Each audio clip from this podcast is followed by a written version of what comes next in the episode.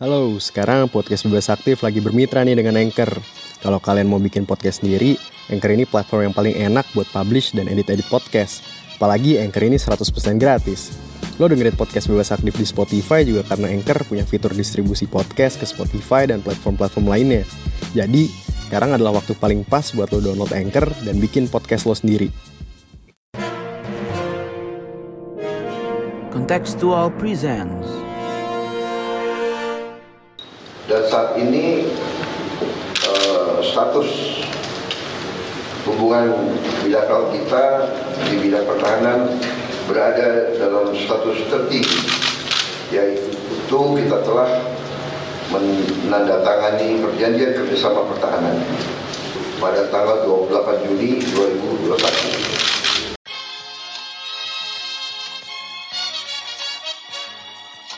伟大、光荣、正确的中国共产党万岁！ Ladies and gentlemen, it was time to end a 20 year war. No one is safe until everyone is. The world is waking up and change is coming whether you like it or not. Selamat datang kembali di podcast Bebas Aktif season kedua episode ke-19. Tentu saja ada gue Raffi, ada Mas Sofan juga. Halo Mas. Halo. Halo, jadi semoga teman-teman baik juga, sehat juga. Di luar itu, kita hari ini akan membahas sesuatu yang lagi rame juga di beberapa hari terakhir, lima hari terakhir gitu. Eh, jadi beberapa hari yang lalu, Pak Menhan Prabowo Subianto lagi habis belanja 42 pesawat tempur Dassault Rafale atau Rafale nih bacanya? Ya gitulah. Bahasa, Rafale bahasa aja. Perancis kan. Oleh kayaknya. Rafale aja biar ada kearifan lokal ya. Ada juga yang dibeli beberapa kapal selam gitu ya, skor, ya, jenis Scorpion dan ada berbagai kerjasama lainnya, termasuk di bidang research and development. Dan yang bikin heboh sebetulnya yang kemarin juga di rame ya di editorialnya Koran Tempo itu biayanya kan 1.700 triliun rupiah. Sempat bikin rame editorial Tempo katanya ini nggak sesuai sama realitas, ini nggak nggak nggak di waktu yang tepat pembeliannya. Nah ini akan kita diskusikan nih dan untuk mendiskusikan ini kita kedatangan tamu spesial ada Mas Tangguh Hairil. Halo Mas, apa kabar? Alhamdulillah sehat. Oke, jadi Mas Tangguh ini adalah dosen di Universitas Binus ya Mas? Ya, Dan Binus. salah satu pengamat eh, pertahanan dan pengamat militer Indonesia yang rising star ini, ya karena kalau pantau berita-berita Amin, soal amin. perkembangan eh, apa eh, pembelian alutsista atau apa, Ya. eh, eh, beliau ada akun sendiri ya. Oh ya? Udah udah nggak aktif sekarang. Sekarang Oh, udah nggak di akun pribadi aja semua. Jadi Mas Tangguh ini juga fokus risetnya juga ada di keamanan Indonesia ya. Udah berapa ada beberapa riset juga saya lihat-lihat, udah banyak. Oh, Ikhlas baru datang. Halo Mas. Halo, halo. Oh. Oke, ya ada Ikhlas juga. Oke, jadi kita akan diskusi banyak, tapi sebelumnya untuk teman-teman yang suka isu HI, kayak isu ini, boleh follow podcast ini, podcast bebas aktif. Follow juga sosmed kita di @kontekstualcom di Twitter dan Instagram. Dan visit juga website kita di kontekstual.com. Berita tentang eh, belanja alutsista ini juga udah ada di website kita. Gitu. Kalau Mas Tangguh mungkin ada yang mau dipromosikan? Nggak ada. Oke, kalau gitu mungkin kita langsung masuk aja kali ya. Sebelum lebih jauh lagi, mungkin saya pengen tahu sebenarnya untuk orang, saya kurang kurang kurang memperhatikan gitu tentang detail-detail teknis eh, pesawat jet tempur, alutsista gitu gitu ya. Mungkin boleh diceritain dulu Mas. Sebenarnya pesawat jet tempur Rafa, Rafale dari Prancis ini, terus kapal selam jenis Scorpion ini sebenarnya apa sih keunggulannya, jenisnya, atau kenapa akhirnya dibeli sama Indonesia gitu? Oke, eh, ya kalau dari segi teknisnya juga sepertinya saya bukan yang paling tepat untuk menjelaskan ya karena backgroundnya HI ya juga nggak nggak ada pengalaman terlibat di industri ya jadi soal spek dan lain sebagainya mungkin eh, kurang bisa jelasin ya. Oke, tapi kalau yang sejauh yang ini sejauh kita perlu tahu satu Dassault Rafale ini pesawat tempur produksi Prancis ya yang sekarang ini dioperasikan sama Angkatan Udara Prancis dan juga eh, di negara lain Mesir, eh, Yunani, India sama Qatar ya. Oke, dan eh, juga udah diorder sama beberapa negara lain ya. Dan kalau kita bicara pesawat tempur, kita bicara level teknologi pesawat tempur itu biasa kita bagi beberapa generasi. Jadi kalau dulu pas zaman-zaman uh, perang dunia ya itu awal mula uh, pesawat ditemukan terus diadopsi buat militer atau peperangan itu pesawat tempur generasi satu ya uh, masih belum bertenaga jet uh, dari uh, masa Perang Dunia sampai sekarang itu udah ada kira-kira lima generasi pesawat, tempur. Itu pesawat tempur generasi 5 contohnya kayak F-22 Raptor ya F-35 Lightning 2 punya Amerika buatan Amerika Serikat ya. Itu dan uh, beberapa negara lain juga sedang mengembangkan ya pesawat tempur generasi 5 itu apa sih generasi 5 itu pesawat tempur. Atau beberapa uh, indikatornya antara lain dia sudah punya kemampuan avionik yang unggul ya, aviation elektronik, uh, integrasi semua sistem senjata, sistem uh, radar, sistem deteksi di pesawatnya sudah sangat maju ya. dan uh, apa, juga sudah mengadopsi teknologi stealth atau siluman. Nah, uh, pesawat tempur pesawat tempur uh, generasi sebelumnya itu dengan adanya pesawat tempur generasi 5 ini bisa dikatakan sudah usang atau obsolete ya gitu. Jadi sekarang yang uh, beroperasi selain pesawat tempur generasi 5, ini pesawat tempur generasi empat setengah. Ya. Yang empat setengah ini dikatakan sebagai pesawat tempur generasi 4, tapi uh, di upgrade atau di improve agar uh, teknologinya lebih uh, ini lebih advance daripada yang uh, generasi 4 yang sebelumnya itu. Nah, Rafale ini ada di generasi berapa? Dia ada di generasi sekitar empat setengah lah empat setengah menuju lima seperti itu. Jadi secara keunggulan teknologi ya bisa dikatakan dia termasuk salah satu yang cutting edge di uh, tempur yang ada sekarang ya. Oke oke. Itu mungkin dari segi jenis gitu ya. Uh, tadi ada Rafale dan ternyata cutting edge gitu uh, yang udah generasi empat setengah dari lima generasi yang ada ternyata salah satu yang paling canggih gitu dan tapi saya juga jadi penasaran kalau tadi dari kan nggak nggak nggak sekedar beli terus udah gitu ya. Terus ini pesawat-pesawat ini sebenarnya mau di mau ditaruh di mana ya di pangkalan udara mana gitu. Iya kok sebanyak itu sih gue iya. Ya keperluannya gitu ya. Kalau pangkalan udara sih belum ketahuan ya. Kayak hmm. misalnya uh, apa ada spekulasi mungkin dia akan ditaruh di Madiun ya. Eh Iswah Yudi ya. Uh, dekat Madiun situ kan. Atau mungkin dia ditaruh di di Makassar seperti itu. Atau uh, mungkin aja dia ditaruh di Pekanbaru ya dekat ke arah sekarang kan kalau kita bicara ancaman yang paling signifikan kan daerah Natuna ya. Hmm. seperti itu. Jadi masih ada beberapa skenario kalau penempatan Rafale ini nanti akan ada di mana ya. Kita belum tahu juga itu terutama juga karena gak cuma Rafale ya tapi kan satu hari setelah kita uh, tekan yang kontrak pengadaan Rafale itu juga Amerika Serikat mengumumkan dia uh, ini ya Defense Security Cooperation Agency-nya di SCA-nya yeah. itu mengumumkan sudah approve uh, ini kan uh, penjualan F15EX ya, atau varian F15 ID ke Indonesia ya. mm-hmm. seperti itu.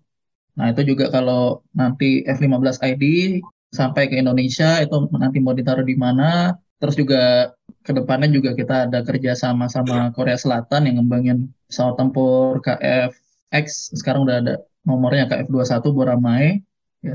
Itu juga kalau nanti itu jadi itu ditempatin di mana itu itu semua masih masih masih belum ketahuan sih. Seperti itu. Tapi ya tadi skenario nya kalau kita mau uh, punya efek deterrence yang lebih tinggi untuk uh, untuk isu di Natuna misalnya berarti mungkin akan uh, deploy di Pekanbaru ya makin dekat ke Natuna seperti itu.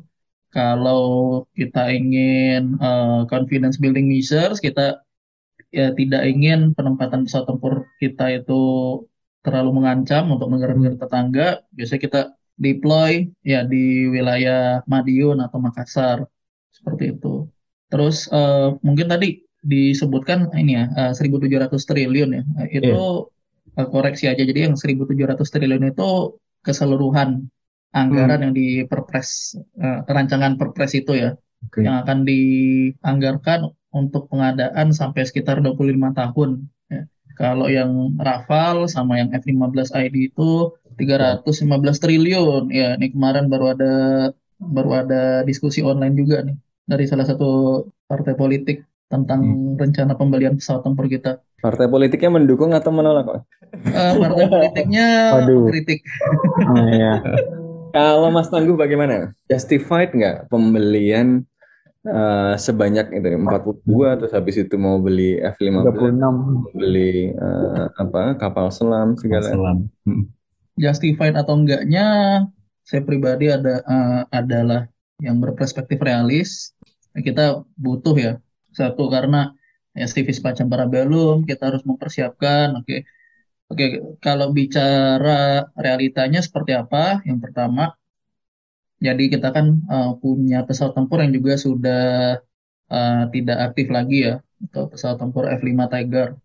Itu yang uh, sudah tidak aktif sejak pertengahan 2010-an, kalau nggak salah 2015 ya. Dan kita berusaha cari gantinya. Salah satu kandidat pengganti F-5 itu sebenarnya Sukhoi Su-35 dari Rusia yang yang cukup masif juga pemberitaannya. Kita sudah sudah tekan perjanjian, sudah kontrak gitu ya seperti itu. Tapi kemudian uh, rencana itu kan terhambat ya karena ada eh, undang-undang Amerika Serikat yang namanya CATSA, Countering Adversaries, uh, Countering American Adversaries Through Sanction Act. CATSA itu undang-undang yang memberikan sanksi buat pihak-pihak yang beli senjata dari tiga negara, Rusia, uh, Iran, sama Korea Utara. Keluar undang-undang itu Kemhan termasuk yang uh, ini ya yang concern juga. Karena oh kalau kita akhirnya jadi membeli Sukhoi Su-35 ya kita akan kena sanksi apa nih dari Amerika Serikat? Ya ber, karena katsa ini. Akhirnya uh, walaupun sudah ada per, persetujuan sama pihak Rusia uh, akhirnya rencana itu batal ya. dan kemudian akhirnya gantinya kita sudah diumumkan ya uh, pengadaan Rafale sama F-15 uh, ID ini. Sebenarnya ini juga nggak mendadak ya dari awal Pak Prabowo jadi Menhan itu dari akhir 2019 itu memang sudah sudah menjadi wacana ya uh, dan apa untuk Rafale ini sebenarnya letter of intent untuk membelinya itu sudah ditandatangani waktu Prabowo ke Prancis ketemu Parli di sana. Nah tapi sekarang itu aktivasi kontraknya. Nah, uh, total yang mau dibeli Rafale itu 42 unit. Nah, yang diaktifasi sekarang ini tuh baru 6 dari total 42 itu. Plus uh, Rafale pertama itu baru akan delivery sekitar tahun 2026 ke Indonesia. Jadi masih agak lama juga. Uh, kita nggak ujuk-ujuk kemarin tanda tangan, terus uh, tahun ini pesawatnya udah bisa sampai ke Indonesia. Uh, jadi uh, ya buat saya sih justified ya kita beli seperti itu. Terus ada spekulasi gitu kan kok lama hmm. ya empat tahun gitu kenapa gitu. Nah uh, ada beberapa detail kontraknya yang memang kita belum tahu ya belum uh, dibuka publik gitu. Misalnya kita akan dapat Rafale yang varian mana. Kalau varian yang uh, apa? Kalau varian yang sekarang dipakai sama Angkatan Udara Prancis itu varian F3R itu berarti harusnya nggak perlu waktu lama untuk kita uh, dapat delivery pesawatnya. Uh, sebelumnya kalau nggak salah Yunani itu juga beli Rafale dari Prancis itu uh, sekitar 18 unit, 12-nya itu uh, ini bekas angkatan udara Prancis masih varian yang uh, F3R itu. Nah, uh, ada spekulasi nih kalau lama apakah ini berarti kita mau dapat yang varian lebih baru lagi dari Rafale yaitu varian F4 tapi uh, so far kita belum tahu pastinya.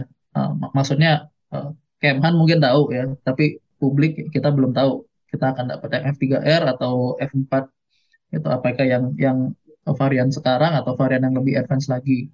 Hmm. Ikhlas katanya menurut lu justified nggak kelas? Kalau kemarin lu nge-tweet soalnya ngomentarin editorialnya Tempo itu katanya ah Tempo kurang ahli orang keamanan nih kayaknya. Gimana kalau menurut? Aduh, iya, Tempo kayaknya kebanyakan editorial politik sama ekonominya aja nih. Ya jadi kan mungkin yang kemarin sempat rame itu uh, Tempo gitu kan yang salah satu artikel yang ditulis ya pembelian Rafael ini kan dan uh, itu adalah sebuah sebuah move yang tidak berpijak pada realitas gitu kan. Jadi kayak dia ngelihatnya bahwa eh, ada dua sih. Kalau uh, argumennya tuh ya Indonesia udah ada, udah sufficient. Sekarang dibilang udah ada Sukhoi lah, udah ada pesawat apalagi yang lain yang Indonesia punya sekarang.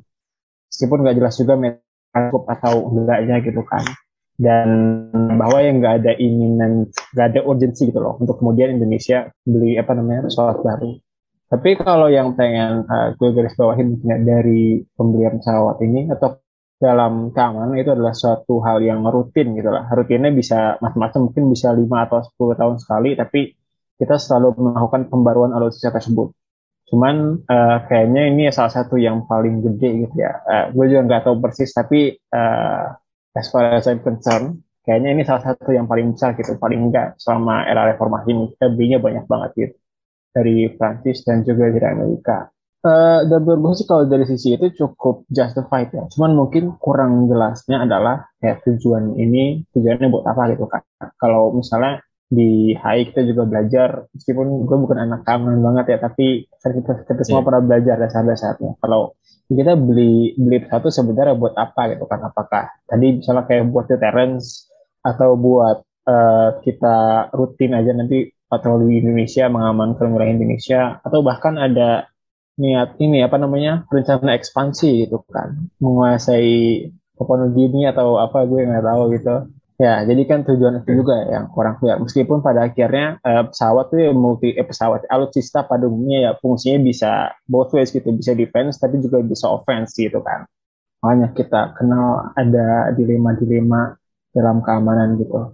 Tapi kalau menurut gue ya pada akhirnya komposisi yang gue ambil sih ini cukup biasa ya karena emang suatu hal yang kita lakukan.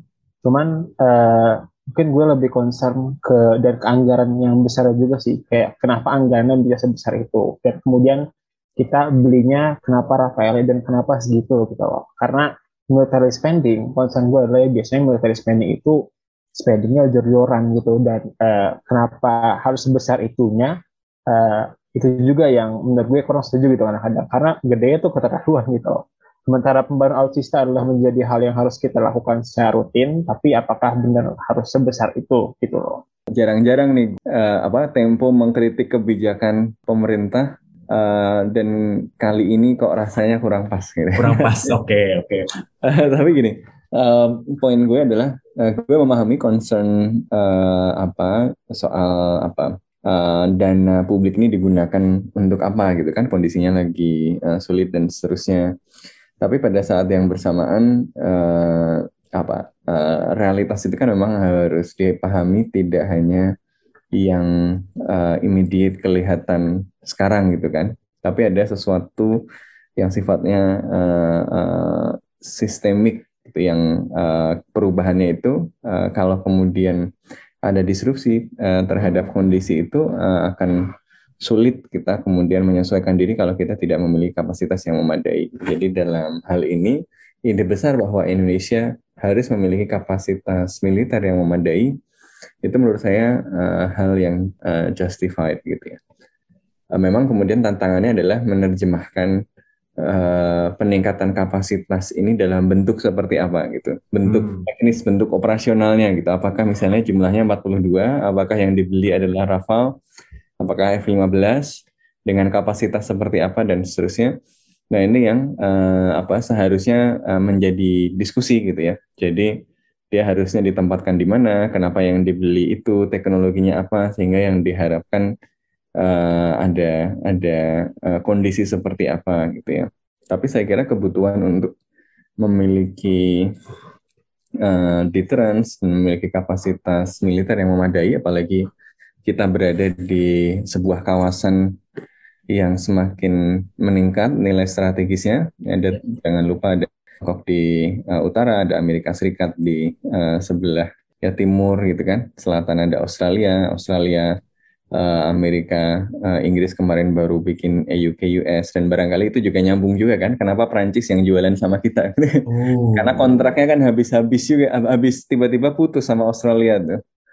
Wah, akhirnya padahal okay. uh, Prancis lagi ada kepentingan untuk meningkatkan presence kan di di uh, apa wilayah ini gitu. Uh, gimana uh, biar tetap bisa ini ya akhirnya ada win-win kan. Indonesia sendiri lagi butuh tadi mengganti mengupgrade uh, uh, alutsista gitu ya. Pesawatnya udah nggak bisa dipakai sebagian harus beli. Tapi kalau beli Sukhoi bisa kena sanksi. Uh, kan apalagi Rusia lagi rame nih sama Amerika sama Ukraina kan sekarang. Yeah, yeah. Uh, jadi ya ya kesempatan baik. Makanya ini prosesnya cepat banget ya Mas Tangguh kan. Cuma beberapa bulan ini kan uh, Rafale ini uh, dan Scorpion ini. Jadi ini proses yang uh, sangat cepat yang saya kira menunjukkan bahwa memang kondisi apa lingkungan strategis kita itu mendorong uh, hal yang demikian gitu ya. Jadi ada kebutuhan-kebutuhan uh, strategis yang harus dilakukan dengan cepat. Ya, dalam hal ini saya memahami itu dan justru kalau kedua kalau concernnya adalah uh, kita kan sering kali membayangkan image pengadaan itu suka nggak efisien. Kita harus yeah. mengaku juga gitu ya. Tapi justru kalau high profile seperti ini harusnya efisien karena hmm. yang melihat banyak dan barangnya jelas gitu loh. Jadi mendingan beli yang canggih, besar, ya kelihatan profile di publik uh, rame. Ini lebih bagus daripada uh, pengadaan yang kecil-kecil dan banyak markupnya besar gitu. Itu malah lebih nggak efisien gitu. Kelihatannya kecil tapi banyak banget gitu. Uh, dan merugikan publik lebih besar gitu. Jadi daripada malah malah begini itu malah saya lebih optimis gitu. Kan karena barangnya gede harganya kita semua tahu gitu kan. Uh, dan uh, kelihatan gitu yang jual siapa yang beli siapa uh, apa uh, lebih mudah untuk memantau. Catatan ketiga yang penting juga adalah ciri-ciri negara otoriter itu militernya uh, under equip. Karena dia under equip dia nggak ada kerjaan kan nggak ada latihan pesawat nggak pakai pesawat ancamannya nggak ada di luar. Makanya ya, kenapa dia under equip? Karena dia nggak butuh peralatan untuk melawan sesuatu yang ada di luar kan? Ya makanya dia ditujukan untuk melawan eh, hantu-hantu yang ada di dalam. Makanya equipmentnya karena melawan yang lebih lemah equipmentnya yang kecil-kecil aja. Makanya kalau equipmentnya yang dibeli adalah equipment-equipment anti huru hara, equipment-equipment ya untuk merepresi uh, ke kelompok-kelompok non militer, nah, itu kan malah apa ya uh, kecenderungan yang lebih mengkhawatirkan daripada beli pesawat. beli pesawat itu malah bagus gitu, karena kalau ada beli pesawat nanti ada personel yang butuh latihan naik pesawat ya kan, ada personel untuk maintenance, ada personel untuk memantau penggunaan optimal dari pesawat-pesawat ini gitu. Jadi sibuk yeah. menghadapi ancaman konkret dari luar jadi nggak sibuk misalnya uh, melakukan kegiatan-kegiatan yang nggak perlu gitu kan. Kadang-kadang uh, ada masalah juga nih apa SDM banyak nih gitu kan. Gimana penempatannya? Uh, apa kerjaan yang dipakai ya? Akhirnya uh, dipakai bantuin uh, ormas ya bantuin ini itu yang yang yang malah nggak nggak uh, benar jadi menurut saya malah bener malah bener gitu ya peningkatan alutsista profesionalisasi ya. Jadi jangan sampai under equip, harus sesuai dengan lingkungan strategis.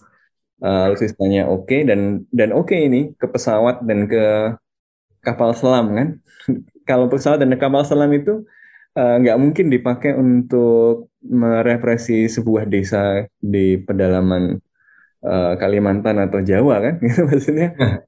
ya nggak bisa gitu. Jadi it's, it's a good a, a good trend gitu profesionalisasi militer uh, ya militer kita uh, kapasitasnya harus bagus gitu. Jadi in that sense bagus. Cuma catatannya memang uh, uh, memang kemudian uh, harus dipastikan bahwa kita membelinya dengan biaya yang sesuai ya dan digunakan dengan uh, uh, efektif tadi ya. Ada jelas tujuan strategisnya apa gitu. Deterrence siapa yang mau diditer butuhnya berapa maka uh, kita butuhnya sekian dan seterusnya. Nah itu justifikasi uh, itu yang yang saya kira harus ada. Tapi dalam gambar besarnya menurut saya malah bener ini gitu ya. Ya harusnya ya harus beli alutsista, jangan sampai under equip gitu. Bagus profesionalisasi ini. Jadi Tempo harusnya kalau dia sering kritis pada ini harusnya juga melihat ini sebagai tren yang bagus gitu. Harusnya malah uh, dorong alutsista yang lebih profesional, uh, pembelian uh, alat-alat yang nggak apa alat-alat militer yang nggak terlalu penting atau bahkan alokasi sumber daya lain yang lebih nggak penting itu yang uh, lebih keras gitu. Jadi ini posisinya beda mengkritik IKN ya, dengan uh, mengkritik alutsista ini walaupun sama-sama spending rasanya posisi justifikasinya harusnya dilihat secara berbeda gitu ya. Uh, I'm in for profesionalisasi ya karena dengan profesionalisasi dengan uh, equipment dengan alutsista yang lebih kuat ya kita bisa menghadapi tantangan uh, dalam sistem internasional kita dengan lebih baik dan pada saat yang bersamaan memastikan bahwa proses reformasi militer kita berjalan uh, dengan lebih baik gitu ya, nggak ketarik-tarik lagi ke uh, apa proses politik domestik gitu karena kemudian disekuritisasi itu isu-isu domestik ya kan ditarik-tarik hmm. karena nggak ada kerjaan di luar gitu. Tapi kalau ya minimal ada 42 pesawat nanti tambah 15 berapa ya mereka sibuk latihan, sibuk maintenance, mereka sibuk beneran mengamankan wilayah perairan Nusantara ya kan? Uh, apa uh, pas dipanggil sama perusahaan untuk menggusur warga yang menolak pertambangan, oh sudah sibuk pak, saya lagi terbang di atas laut Cina Selatan gitu kan, apa lebih lebih bagus gitu kan. Kecuali kalau beda personelnya, yang yang korps penerbang terbang di Rafale, yang Iya tapi uh, sepakat emang karena uh, para scholar di bidang kajian hubungan sipil militer juga melihatnya ya, itu ya salah satunya ya.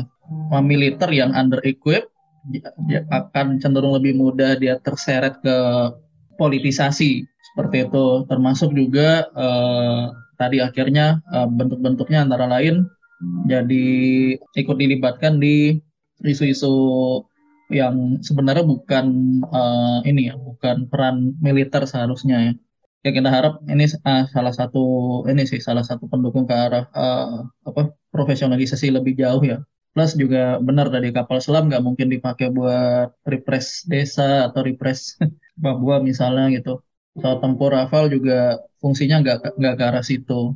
Itu uh, secara alokasi anggaran pemerintah mungkin uh, kalau menurut saya juga kurang tepat kalau di clash sama anggaran penanganan pandemi ya. Menurut saya kenapa? Karena anggaran pertahanan ya alokasi di Kemhan itu penanganan pandemi itu ada di mana ya kementerian atau lembaga yang paling utama terlibat sama itu yang pasti Kemenkes sama uh, BNPB kan ya yang di dalam yeah. uh, Satgas Covid itu. Jadi bukan Kementerian Perekonomian ya, Kemenko Perekonomian.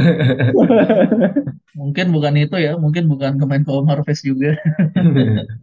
Tapi anyway ya kita tahu praktik-praktik di Indonesia ini banyak yang keluar dari ini ya tupoksi utamanya ya gitu. Justru di sini menurut saya eh, ini positif gitu kan Kemhan uh, dalam tupoksinya gitu. Maksudnya kita kita juga mengkritik ketika kemarin uh, Kemhan dilibatkan dalam uh, ini ya program lumbung pangan ya food estate ya. gitu. Nah ini Kemhan apa Kem Kementan gitu kan seperti itu. Sehingga kalau di di sini gitu kan ini Kemhan stays in uh, apa tupoksinya dia ya ini kita apresiasi satu itu ya.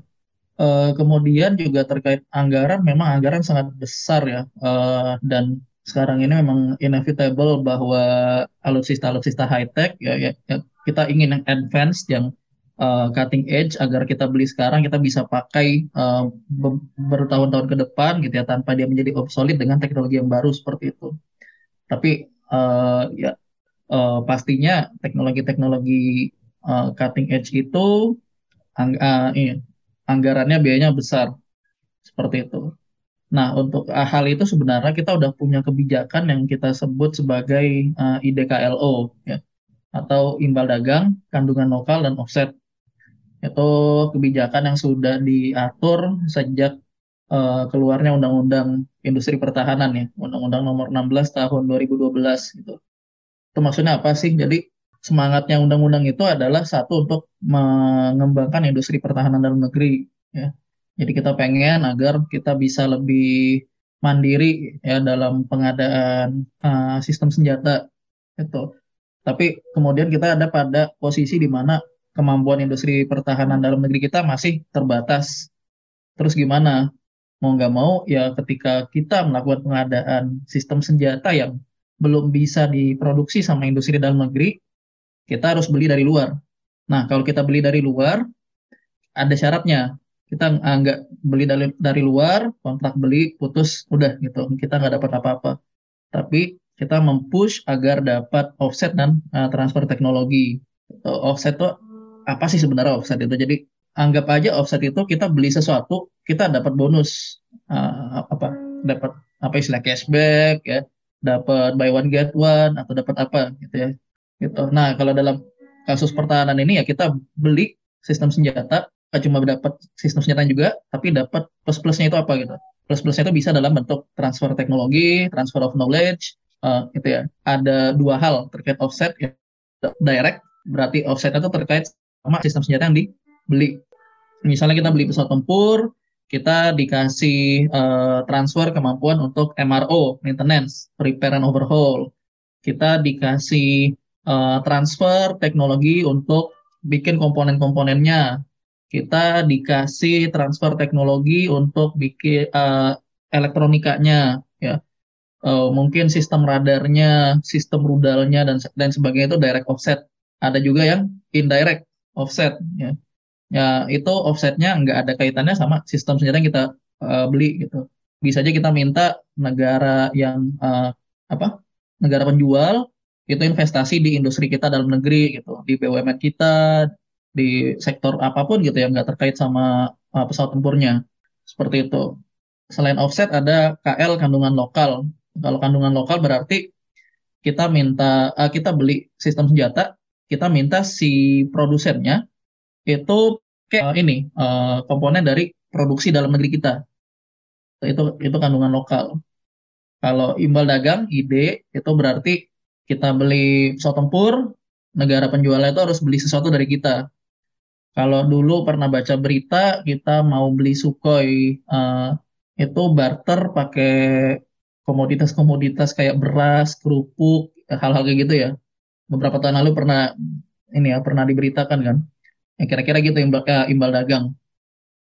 Kalau kalau imbal dagang itu sama kandungan lokal itu kayaknya berlaku nggak cuma di pertahanan ya tapi uh, kebijakan perdagangan kita secara uh, ini ya general ya. Kalau offset itu emang itu yang berlaku di uh, sektor pertahanan. Kalau buka undang-undang industri pertahanan itu itu wajib. Ya, kita beli apa pun dari luar negeri uh, dengan uh, apa kontrak sekian itu wajib ada timbal dagang kandungan lokal dan offsetnya. Itu. Minimal 85% dari nilai kontrak. Ya 85% itu maksimal imbal dagang itu 50% minimal kandungan lokal dan offset itu 35% gitu jadi kita kontrak 315 triliun misalnya itu 35 persennya lah itu ada minimal itu dapat offset Nah, untuk yang pembelian Rafale ini kita dapat offset berapa gitu. Uh, data open source sih saya belum nemu ya offsetnya apa apa saja. Tapi karena ketika ini udah jadi kontrak itu udah bisa dipastikan kita pasti dapat offsetnya. Kalau obrolan-obrolan di antara para pengamat militer sih offset kita dari peng, ini kontrak Rafale ini cukup tinggi, sekitar di angka 80 sampai 90 persen. Tapi itu uh, belum bisa saya konfirmasi lah uh, validitasnya atau apa. Nah kalau misalnya kita lihat kan beritanya pada saat kita pengadaan Rafale itu tekan kontrak ya di Kempan itu, itu kita nggak cuma Rafale aja ya. Selain Rafale kan ada juga Scorpion ya kapal selam. Nah selain itu juga ada MOU uh, untuk uh, ada South Rafale, ada South Aviation sama uh, eh, PTDI untuk uh, kemampuan MRO, ya maintenance pesawat-pesawat Perancis yang ada di Indonesia termasuk Rafale nanti. Itu uh, seperti itu. Nah, mungkin itu salah satu bentuk dari offsetnya ya. Ya, mungkin juga uh, yang yang pasti nggak cuma itu. Seharusnya kalau meng, apa kalau persentase offset yang kita dapat itu cukup tinggi gitu. Halo, sekarang podcast Bebas Aktif lagi bermitra nih dengan Anchor. Kalau kalian mau bikin podcast sendiri, Anchor ini platform yang paling enak buat publish dan edit-edit podcast. Apalagi Anchor ini 100% gratis. Lo dengerin podcast Bebas Aktif di Spotify juga karena Anchor punya fitur distribusi podcast ke Spotify dan platform-platform lainnya. Jadi, sekarang adalah waktu paling pas buat lo download Anchor dan bikin podcast lo sendiri. Jadi tadi ya kita uh, memang kita mengeluarkan biaya yang cukup besar untuk pengadaan alutsista ini ya. Tapi uh, dengan adanya mekanisme offset itu ya juga kandungan lokal diharapkan nggak kita nggak cuma beli gitu. Nggak cuma uh, benefitnya diterima sama uh, ini TNI kita gitu. Dapat alutsista baru gitu ya. Tapi bisa uh, benefitnya dirasakan sama industri pertahanan kita mereka dapat uh, transfer teknologi dari uh, produsen ya. Seperti itu. Itu bisa ngebuka misalnya lapangan kerja lagi ya. Jadi nggak cuma uh, apa nggak cuma uh, da dari aspek teknologi tapi juga dari aspek lapangan kerja dan seterusnya gitu. Kalau tadi mungkin ada yang sebut uh, ini ya guns and butter ya guns versus butter ya. Kan kadang kita mikir oh kalau kita beli senjata berarti anggaran-anggaran uh, untuk hal-hal uh, sosial seperti misalnya uh, kesehatan ya pendidikan infrastruktur dan lain sebagainya mungkin berkurang gitu ya itu kan uh, kalau dalam ekonomi pertahanan kita ketahui namanya guns versus butter gitu.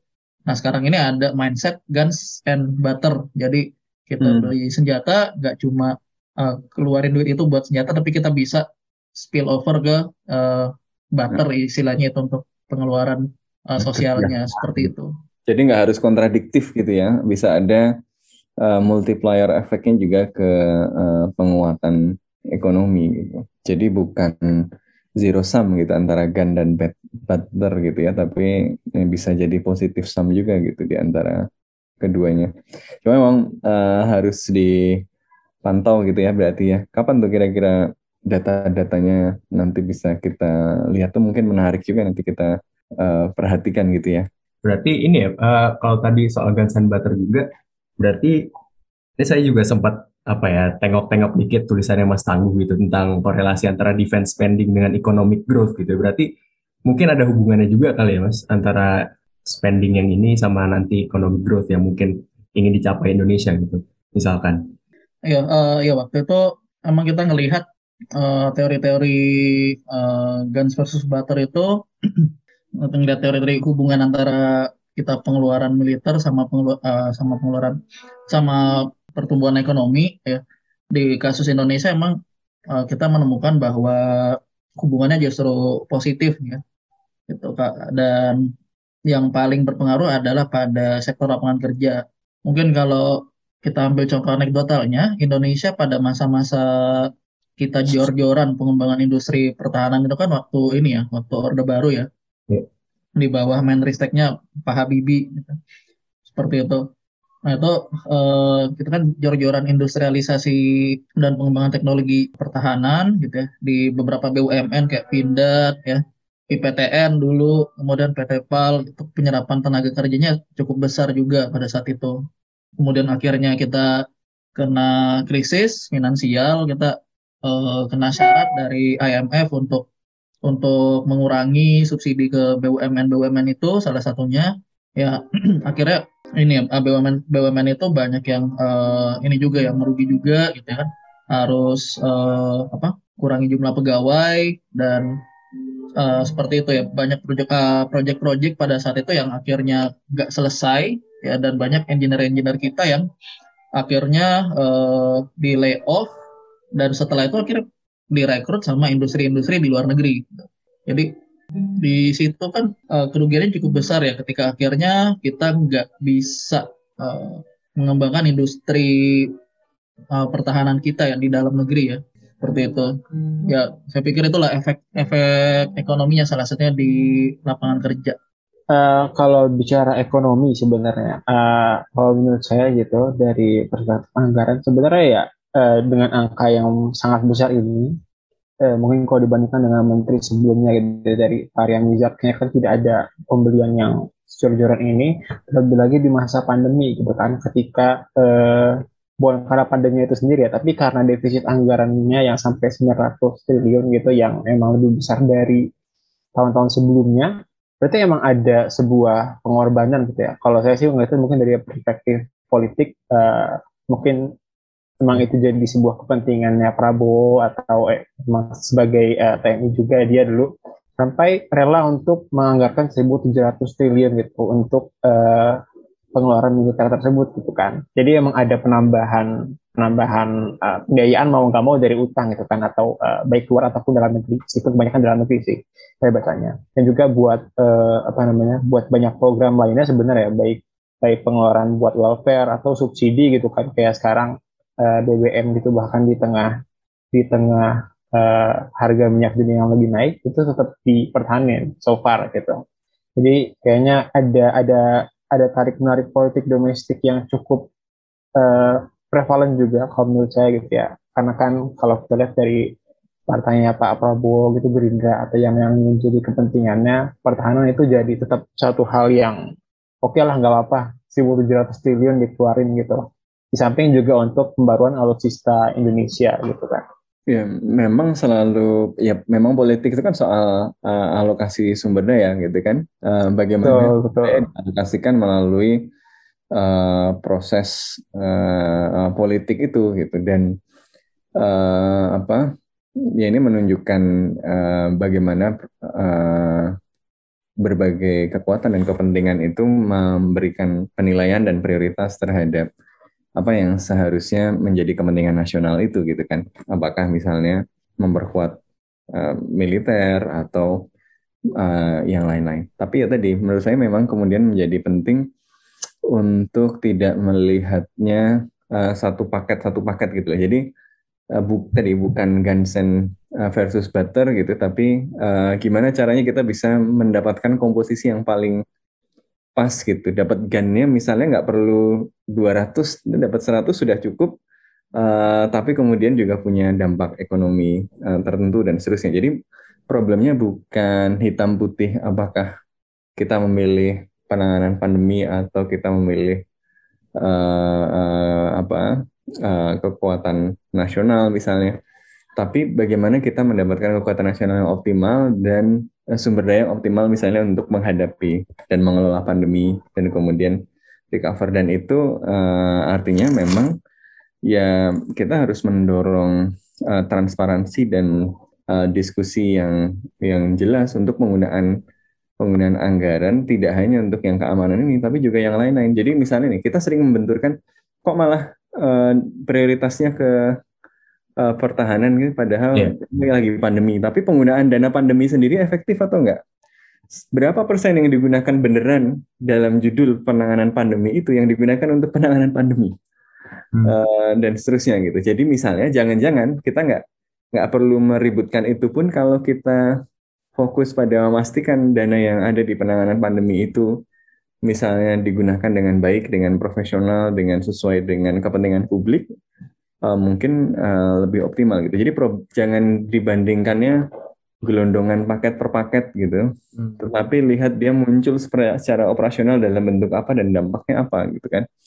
Itu uh, menurut gue yang ya, hal yang yang penting gitu. Jadi nggak apa sifatnya itu kalau bisa nggak bisa nggak nggak langsung sepaket lawan sepaket kayak oh saya anti militer saya pro militer nggak hmm. nggak sesederhana itu gitu loh karena ya mengelola negara memang kompleks gitu betul bahwa ada kepentingan masing-masing ada vested interest ya, ya tapi karena itulah ada proses permusyawaratan perwakilan ya kan? Supaya kemudian uh, kita bisa membicarakan itu dipandu oleh hikmat kebijaksanaan ya kan? Uh, jadi uh, ini yang menurut uh, gue menjadi uh, penting ya. Masalahnya memang kita lagi kehilangan hikmat kebijaksanaan ini gitu kan? Jadi melihat sesuatu itu memang lebih enak ya sepaket-sepaket cap-cap label-label gitu. Dalam banyak hal. Nah uh, itu satu. Tapi kedua gue juga pengen melihat oh jangan jangan sampai kita menilai ini cuma dalam konteks si pengambil keputusannya itu di Indonesia aja gitu. Karena ada kepentingan uh, eksternal juga yang membuat mungkin ini deal yang bagus buat kita gitu. Ya tadi kayak tadi. Ada kepentingan Perancis atau negara-negara lain juga untuk tadi memiliki peran di wilayah uh, yang strategis. Dan mereka juga memiliki kepentingan untuk misalnya memastikan tidak ada satu kekuatan yang mereka khawatirkan terlalu dominan di kawasan gitu kan. Dan untuk itu mungkin mereka mau rugi sedikit ya. Mau menjual lebih murah sedikit daripada kalau jual normal karena ada kepentingan itu juga gitu.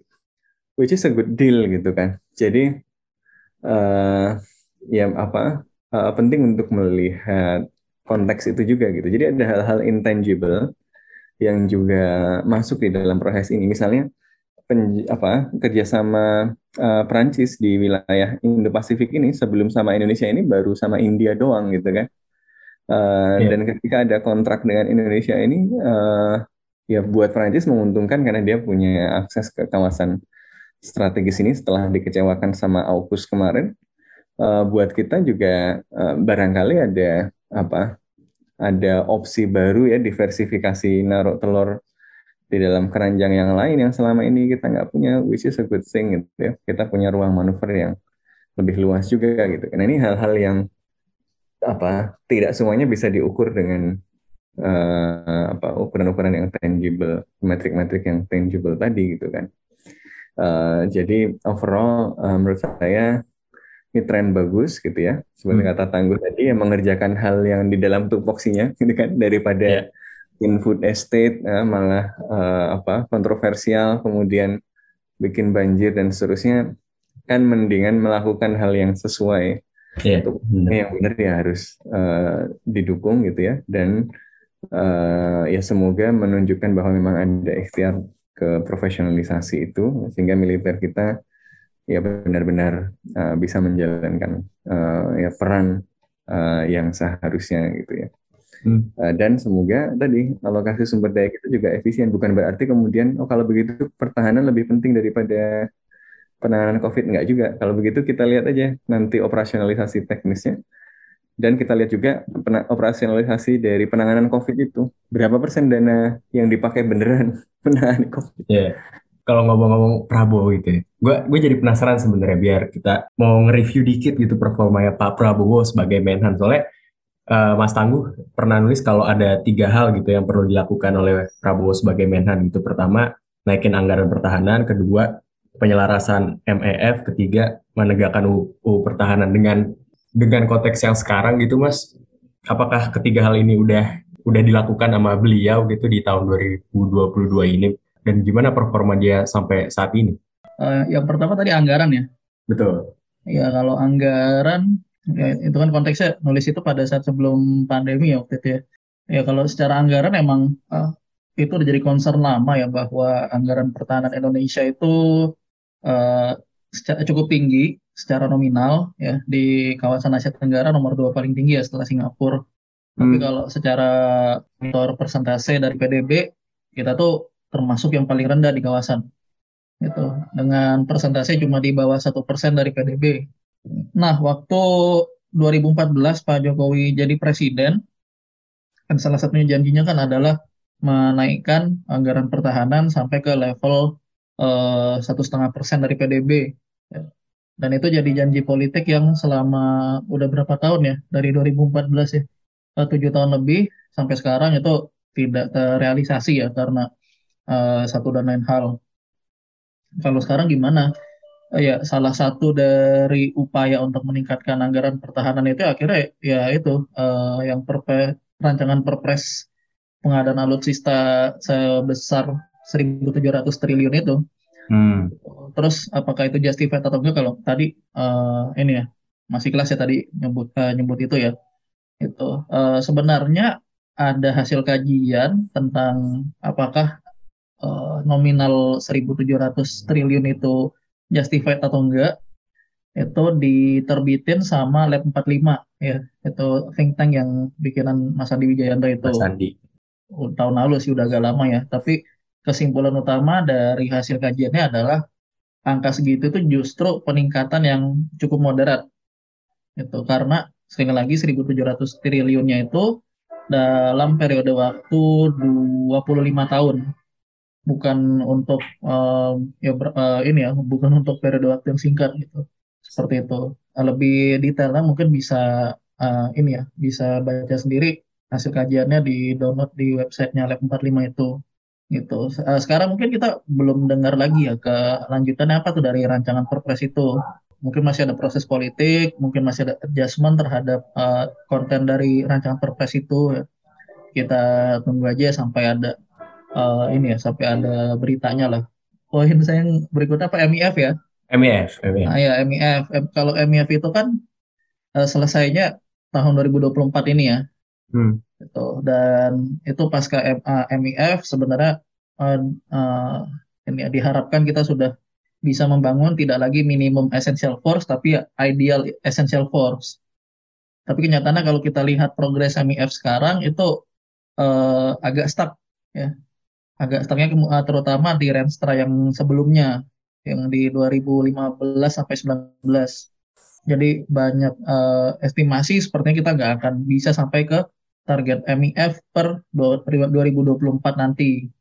Yaitu perlu diimprove ya. Salah satu upayanya Prabowo selama ini adalah memang diplomasi pertahanan yang dilakukan sama Prabowo ini kan sangat in, ini ya, intensif ya. Yeah. Kita nggak pernah dengar Men Menhan sebelumnya itu kunjungan ke negara lain se sesering ini ya, hmm, semasif ini. Hmm. Itu seperti itu dan ya salah satu hasil yang kita lihat sekarang udah ada ini ya eh, kontrak pengadaan Rafale, eh, F-15ID, Scorpion dan seterusnya gitu ya. Walaupun memang uh, sempat ada kontroversi-kontroversi kayak waktu 2020 mau ma, ini ya melakukan pengadaan pesawat tempur Eurofighter Typhoon pada saat itu bekas dari Austria ya. Terus itu jadi kontroversi ngapain beli bekas yang uh, apa seperti itu dan juga alutsistanya sendiri juga pada saat pengadaan di Austria-nya ada kontroversi juga gitu ya. Tapi sekarang ya ya salah satu inilah saya pikir ini merupakan bukti konkretnya lah itu uh, upaya uh, ini ya mempercepat MIF itu. Poin terakhir yang saya tulis waktu itu apa ya? Menegakkan UU pertahanan. UU, UU industri pertahanan ya? Iya. Yeah.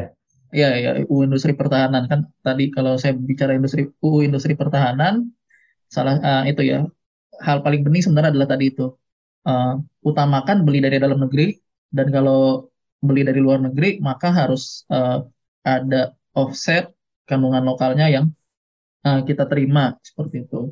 Tadi uh, saya udah bahas kalau untuk Rafale uh, apa belum ada berita publiknya ya, tapi dari uh, dari yang apa rumor-rumor yang didengar sih offsetnya tinggi.